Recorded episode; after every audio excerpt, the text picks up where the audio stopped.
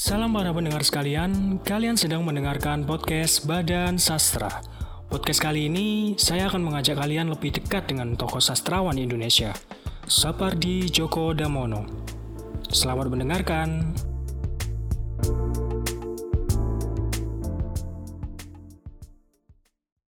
Profesor Dr. Sapardi Djoko Damono merupakan sastrawan terkemuka di Indonesia.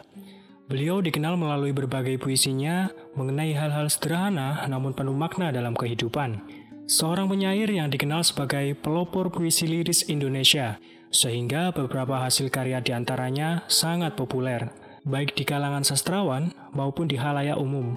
Beliau kerap dipanggil dengan singkatan namanya, yaitu SDD. Sapardi menghabiskan masa mudanya di kota asalnya, yaitu Surakarta, dan jalur pendidikan dasar ditempuhnya di SD Kesatrian Keraton Surakarta. Pendidikan menengah ditempuh di SMP Negeri 2 Surakarta dan lulus pada tahun 1955. Kemudian dilanjutkan di SMA Negeri 2 Surakarta dan lulus pada tahun 1958. Sapardi menyukai membaca buku sejak kecil dan sering berkunjung ke perpustakaan lokal di sekitar Solo. Minatnya luas mulai dari karya-karya Karl May, William Saroyan, dan Pramodya Anantatur hingga komik-komik karya Kosasi.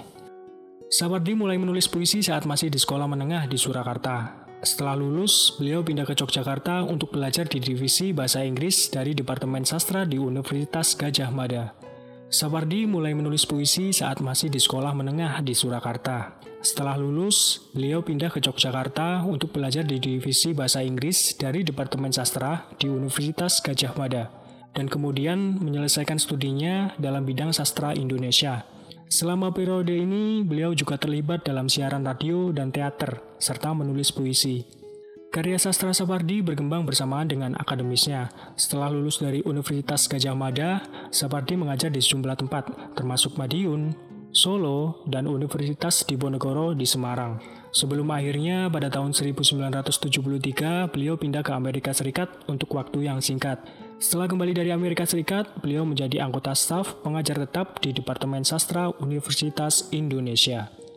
Pada tahun 1989, beliau menerima gelar doktor dari Universitas Indonesia, dan pada tahun 1993, beliau menjadi profesor penuh Keterlibatan Profesor Dr. Sapardi Djoko Damono yang ekstensif dan intensif di Universitas Indonesia telah memberikan gelar tidak resmi, yaitu Profesor Penyair Indonesia. Beliau pernah terpilih menjadi Dekan Fakultas Ilmu Budaya Universitas Indonesia. Di masa yang sama, beliau juga menjadi redaktur majalah Horizon, Basis, Kalam, Pembinaan Bahasa Indonesia, Majalah Ilmu-Ilmu Sastra Indonesia, dan kontri editor Majalah Tenggara di Kuala Lumpur. Beliau aktif mengajar di Sekolah Pasca Sarjana Institut Kesenian Jakarta sambil tetap menulis fiksi dan non-fiksi.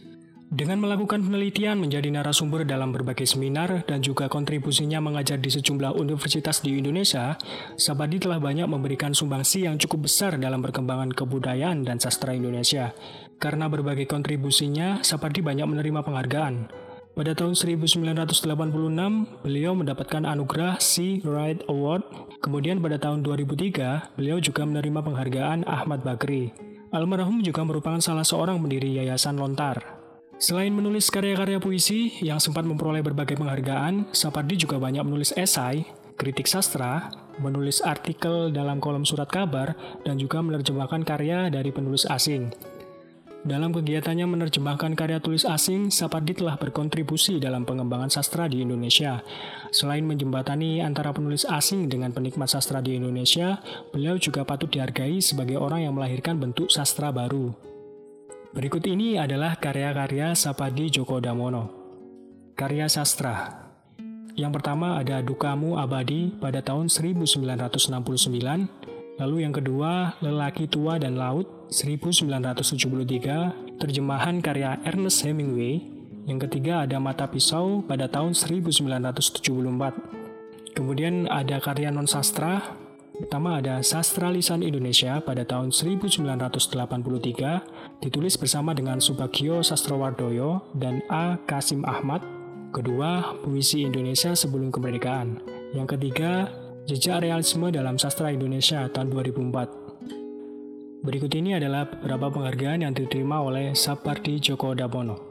Yang pertama ada Cultural Award dari Australia 1978. Kemudian yang kedua ada Anugerah Puisi Putra dari Malaysia 1983. Yang ketiga Right Award dari Thailand 1986.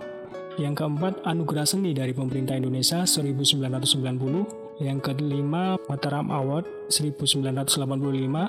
Keenam, Kalyana Krepia 1996 dari Menristek Republik Indonesia. Yang ketujuh, penghargaan Ahmad Bakri tahun 2003.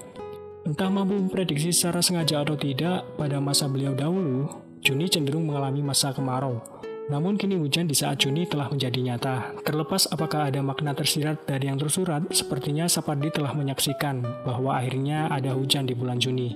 Dan beliau meninggal dunia pada 19 Juli tahun 2020. Selamat jalan penyair legenda,